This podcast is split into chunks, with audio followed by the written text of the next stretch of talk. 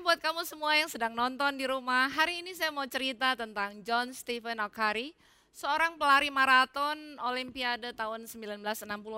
Sebagian besar dari kita belum lahir waktu itu. Uh, waktu ada kompetisi di Mexico City, Okari dikirim dari Tanzania untuk mengikuti Olimpiade ini. Uh, dia mengikuti lari sepanjang 42 km, tetapi waktu di kilometer 19 kakinya kram dan waktu peserta semua sedang berlari menuju garis finish, ada yang menyenggol dia dan kemudian dia terjatuh, kakinya luka dan bahunya menyentuh trotoar dan kemudian dia sakit di bahu, sakit di kakinya, tapi dia bangkit lagi. Dia bangkit untuk meneruskan finish. Semua peserta sudah sampai di stadion, yang menang sudah mendapatkan piala, dan kemudian pesta sudah berakhir, tapi John Okari terus berlari. Sementara semua yang menonton ribuan orang sudah meninggalkan stadion, hanya tinggal segelintir orang. Waktu reporter TV datang dan mengatakan, masih ada satu peserta lagi, sedang memasuki stadion. Dia sedang menuju garis finish. Dan orang-orang yang tersisa kemudian melihat kepada Okari dan kemudian memberi dia semangat dan mengatakan, ayo kamu bisa. Dan kemudian Okari menyelesaikan sampai di garis finish. Apa yang membuat Aukari ini menjadi menarik? Waktu reporter TV datang menanyakan kepada Aukari, kenapa kamu lakukan itu? Bukankah pesta olimpiade sudah berakhir? Bukankah banyak penonton sudah pada pulang?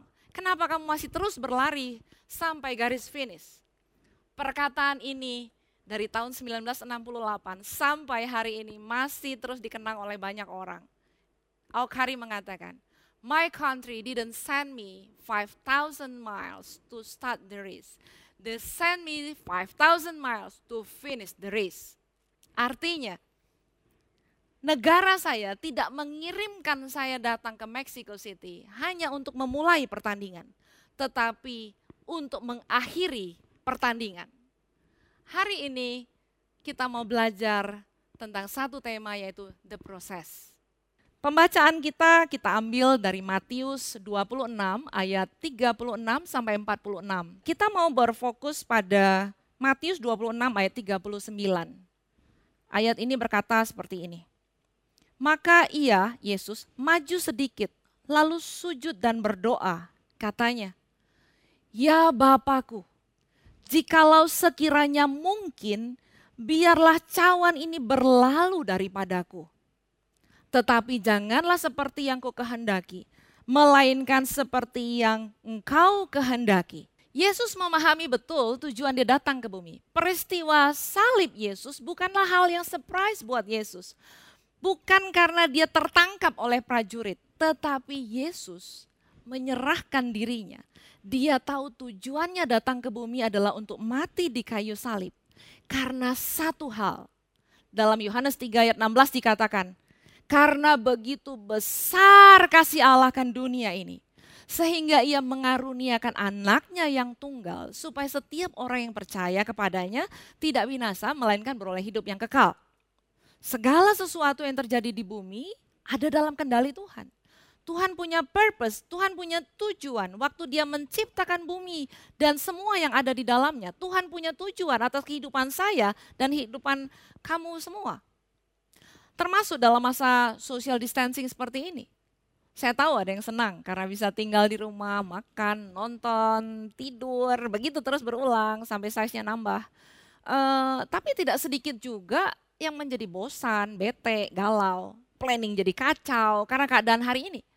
Tapi ketahuilah bahwa Tuhan mengizinkan untuk semua ini terjadi untuk mendatangkan kebaikan bagi setiap orang yang percaya. Dalam Roma 8:28 dikatakan seperti itu.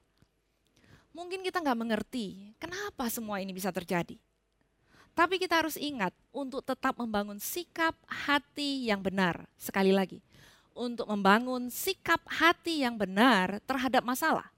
Respon yang negatif tidak mungkin menghasilkan hal yang positif. Sekali lagi saya ingatkan, respon yang negatif tidak mungkin menghasilkan hal yang positif. Untuk kita bisa sampai pada tujuan yang Allah siapkan buat kita, pastikan kita merespon dengan positif. punya sikap hati yang benar dalam semua masalah kita hari ini, meskipun kita merasa ini kurang baik atau ada satu hal yang yang kita ngerasa ini kayaknya tidak nyaman.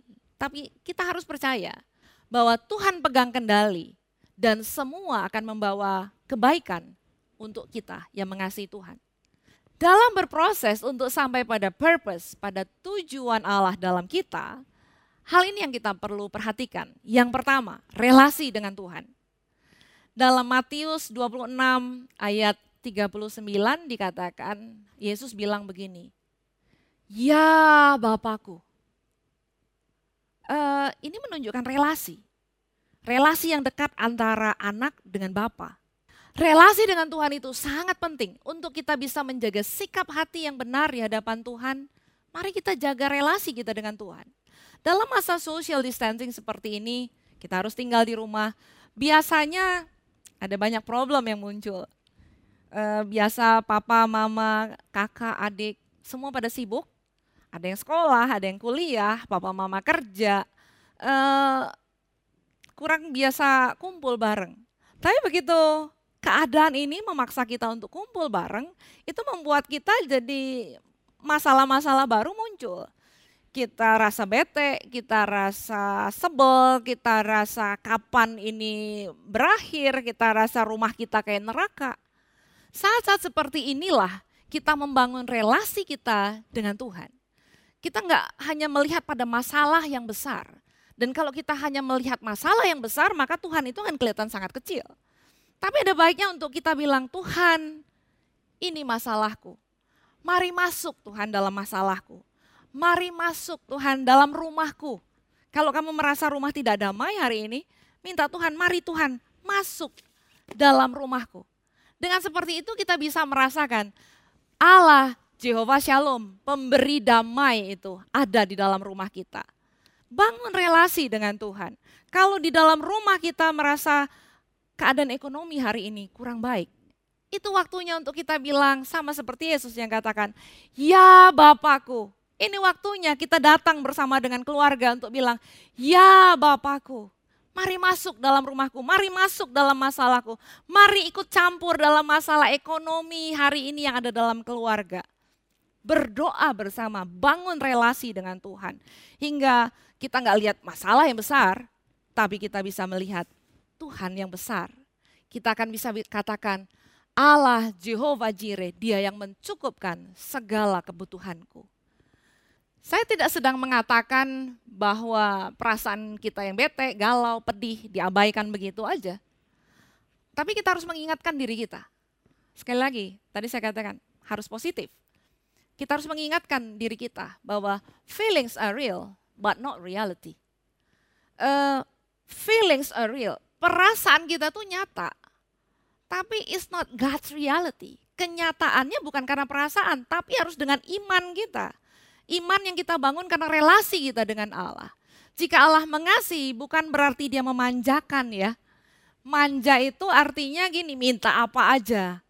Berdoa tuh minta Tuhan, minta ini, minta itu dan harus dikabulkan. Itu namanya manja ya. Dan kalau nggak dikabulkan ngambek uh, Yesus di dalam doanya mengajarkan kita, uh, ya Bapakku, jikalau sekiranya mungkin, dia nggak maksakan kehendak, tapi ada sikap hati yang positif yang dibangun. Dikatakan biarlah cawan ini berlalu daripadaku. Dia percaya bahwa kalaupun saya harus meminum cawan ini, dia percaya bahwa Bapa sangat mengasihi dia. Bapa sangat mengasihi kita. Jika dia mengizinkan terjadi hal-hal yang kurang nyaman dalam hidup kita atau mungkin tidak nyaman dalam kehidupan kita, eh, hal ini untuk mengajar, untuk membentuk sikap hati yang benar di dalam kita dan yang pasti untuk mendewasakan kita. Jangan sampai kita merasa menjadi pecundang karena keadaan. Belum apa-apa udah kalah mental dulu. Kita lihat masalah sedikit udah langsung mundur, depresi, stres, dikit-dikit ngomongnya stres, dikit-dikit pengen lari dari rumah. Eh, ada baiknya kita membangun mental pemenang. Nah, di dalam proses yang kedua, Kita membangun mental endurance, mental pemenang itu. Endurance artinya the ability to keep doing something difficult, unpleasant, or painful for long time. Artinya kita membangun kekokohan, keteguhan hati dalam kita. Ini yang Yesus ajarkan di ayat ke-39. Uh, eh, Tuhan Yesus bilang kalau tadi dia minta, ya Bapakku kalau boleh cawan ini berlalu daripadaku. Tetapi, tetapi Jangan seperti yang ku kehendaki, melainkan seperti yang engkau kehendaki. Melewati semua keadaan yang sulit seperti sekarang ini, ini waktunya kita membangun karakter seperti Yesus contohkan pada kita. Ada endurance dalam melewati semua itu. Yesus melewati jalan salib itu dengan attitude yang benar, dengan sikap hati yang benar, ada endurance di dalamnya. Dia tahu bahwa tujuannya adalah salib. Tapi dia percaya Bapa punya rencana yang jauh lebih besar daripada hanya sekedar mati. Kalau tanpa mati di atas kayu salib, kita nggak akan pernah tahu artinya Paskah, kebangkitan Yesus. Kalau kita mau sampai pada purpose, tujuan yang Allah sudah siapkan buat kita, mari kita belajar untuk meletakkan hak kita seperti Yesus meletakkan haknya. Meletakkan keinginannya meletakkan kenyamanan kita juga. Dan dengan pengertian dan keberanian berkata, bukan kehendakku, tetapi kehendakmu lah. Karena kita tahu kehendak Allah yang terbaik, yang sempurna bagi setiap kita. Mari kita praktekkan iman kita. Kita praktekkan ayat firman Tuhan yang kita baca. Kalau Tuhan minta kita mengampuni, nah ini di rumah sering kali terjadi kan, ribut antara kakak dengan dengan adik, uh, atau mungkin ribut adik dengan orang tua, atau mungkin anak-anak dengan orang tua. Kita belajar untuk mengampuni. Karena Yesus mengampuni semua orang menyakiti dia. Orang yang mengkhianati dia. Murid yang dekat yang mengkhianati Yesus. Yesus bilang aku mengampuni dia. Bapak ampunilah mereka. Contoh yang diberikan Yesus. Mengampuni banyak orang. Mengampuni semua orang termasuk dosa kita, uh, Yesus juga menginginkan untuk kita melakukan hal yang sama. Kalau hari ini kamu sedang ribut dengan anggota keluarga di rumah, mari belajar mengampuni. Enak ya ngomongnya ya. Jangan menunggu. Jangan menunggu sampai mereka berubah. Jangan menunggu, oh saya mesti nunggu adik saya berubah dulu. Nunggu mama berubah dulu. Nunggu kakak berubah dulu. Enggak sakit memang untuk bisa ngampunin sementara orang yang menyakiti kita nggak berubah-berubah. Tapi lakukan bagian kita, lakukan bagian kita, practice. There is no glory in practice, but without practice there is no glory. Saya ulang. There is no glory in practice, but without practice there is no glory. Jadi belajar untuk melatih firman Tuhan dalam kehidupan kita, belajar untuk mempraktekkan apa yang kita tahu. Waktu kita belajar praktek, mengampuni, keadaan mungkin gak berubah. Orang yang menyakitimu tetap, keadaan tetap sama, tetapi yang pasti waktu kamu belajar untuk mengatakan Tuhan, mari masuk dalam masalahku, mari masuk dalam kepedihan hatiku, aku mau mengampuni. Maka Tuhan akan mengubahkan hati kita, Tuhan akan mengubahkan cara pandang kita terhadap masalah. Ini yang dikatakan berproses yang membentuk sikap hati yang benar di dalam hati kita.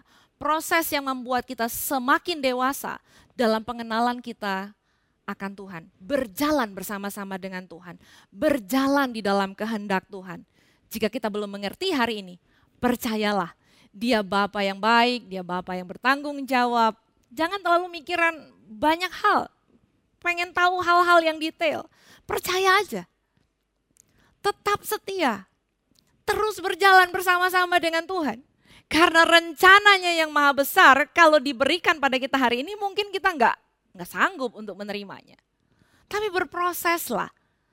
Berproses tanpa Tuhan akan membawa kita pada kepahitan, kekecewaan, dendam. Tapi kalau di dalam Tuhan kita tahu rancangan Tuhan, rancangan yang mendatangkan damai sejahtera dan mendatangkan sukacita di dalam hati kita. Seperti Mazmur 23 ayat yang keempat katakan, Sekalipun aku berjalan dalam lembah kekelaman, aku tidak takut bahaya. sebab engkau besertaku. Gadamu dan tongkatmu, itulah yang menghibur aku. Saya suka cerita ini. Daud nggak minta, yang menarik buat saya adalah Daud nggak minta untuk dibawa keluar dari lembah kekelaman. Tapi dia bilang, dia minta Tuhan beserta dengan dia. Di dalam lembah kekelaman, dia mengenal Tuhan gembala yang baik. Di dalam lembah kekelaman, dia tahu Tuhan melindungi dia dengan tongkat dan gada. Di dalam lembah kekelaman, dia tahu bahwa Tuhan itu gembala yang baik dan membuat domba-dombanya tidak pernah berkekurangan. Itu yang ada di Mazmur 23. Semua ada dalam kendali Tuhan. He is the living hope. Allah dapat diandalkan dalam segala perkara. Hari ini, Waktu kamu mendengar firman ini, mari belajar dengan rendah hati. Kita meminta pada Tuhan Yesus untuk masuk dalam hidup kita, masuk dalam rumah kita, minta penyertaan Tuhan yang nyata dalam kehidupan kita. Kalau kita punya masalah, kita bilang Tuhan, mari berjalan bersama-sama denganku. Cerita Paskah adalah cerita tentang kebangkitan Yesus. Karena ada Yesus yang mau taat berjalan dalam jalan salib itu berjalan dalam Via Dolorosa itu sampai ke Bukit Golgota. Ada kematian, maka ada kebangkitan. Waktu kita berproses di dalamnya, memang tidak menyenangkan, tapi berjalan bersama-sama dengan Tuhan, maka kita akan melihat hasil yang luar biasa. Waktu kita berproses bersama-sama dengan Tuhan, maka Tuhan akan membawa kita sampai pada purpose, tujuan yang Tuhan sudah sediakan bagi setiap kita. Mari kita berdoa. Tuhan Yesus, hari ini kami bersyukur punya Allah yang luar biasa. Kami bersyukur untuk kasih yang luar biasa. Kasihmu yang mengalahkan maut hingga kami boleh dimenangkan atas dosa. Kasihmu yang membuat kami menang dan boleh menjadi anak-anakmu Tuhan. Hari ini kami minta Tuhan, mari masuk dalam hidup kami. Mari masuk dalam rumah kami. Mari masuk dalam keluarga kami Tuhan tinggal bersama-sama dengan kami. Biar damai sejahteramu, sukacitamu melingkupi hati kami semua, melingkupi rumah kami, melingkupi keluarga kami Bapa. Dan saat ini kami menyerahkan seluruh kehidupan kami, permasalahan kami ke dalam tanganmu. Kami minta Tuhan dalam proses kehidupan kami, jangan pernah meninggalkan kami. Pegang erat tangan kami Bapak bawa kami berproses bersama-sama dengan Tuhan. Hingga kami melihat kemenangan yang daripada Tuhan. Hingga kami melihat kemuliaan Tuhan dinyatakan dalam hidup kami, dalam keluarga kami. Jemaat Tuhan, terimalah berkat Tuhan. Diberkatilah engkau di dalam nama Bapa, Putra, dan Roh Kudus. Berkat Allah melimpah dalam hidupmu. Berkat Allah melimpah dalam keluargamu Diberkatilah engkau untuk menjadi saluran berkat bagi keluarga, bagi kota, bagi bangsa ini. Hanya di dalam nama Yesus kami berdoa dan mengucap syukur. Amin.